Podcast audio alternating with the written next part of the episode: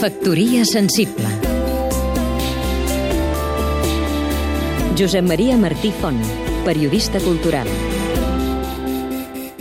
Va morir Gunter Grass i vaig veure les seves imatges a la televisió en una de les darreres entrevistes. Semblava un ballet afable amb una certa dosi d'ironia, però mai va ser així, no era simpàtic ni amable, era incòmode i hirsut. El recordo a Lübeck, a principis dels 90, i el seu bigoti semblava punxar. No hi ha imatges del gran pecat del que només es va confessar ja vell, en 2007, quan, empalant la seva, va fer pública la seva condició de membre de les SS durant la seva adolescència. Difícil jutjar aquell episodi. Però era un artista poderós que tocava totes les tecles, des de l'escultura a la poesia o la pintura.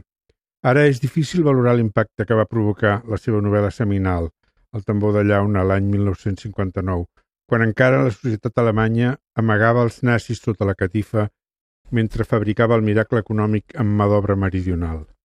Grass, Martin Balzer o molts altres, per citar uns pocs, va ser una potent generació d'escriptors que, a més a més, eren intel·lectuals, el que ja no succeeix habitualment, que van marcar la cultura europea.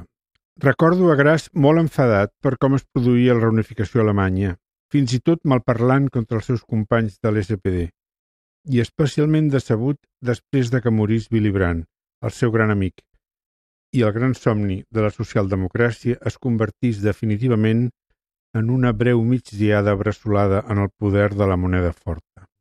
Factoria sensible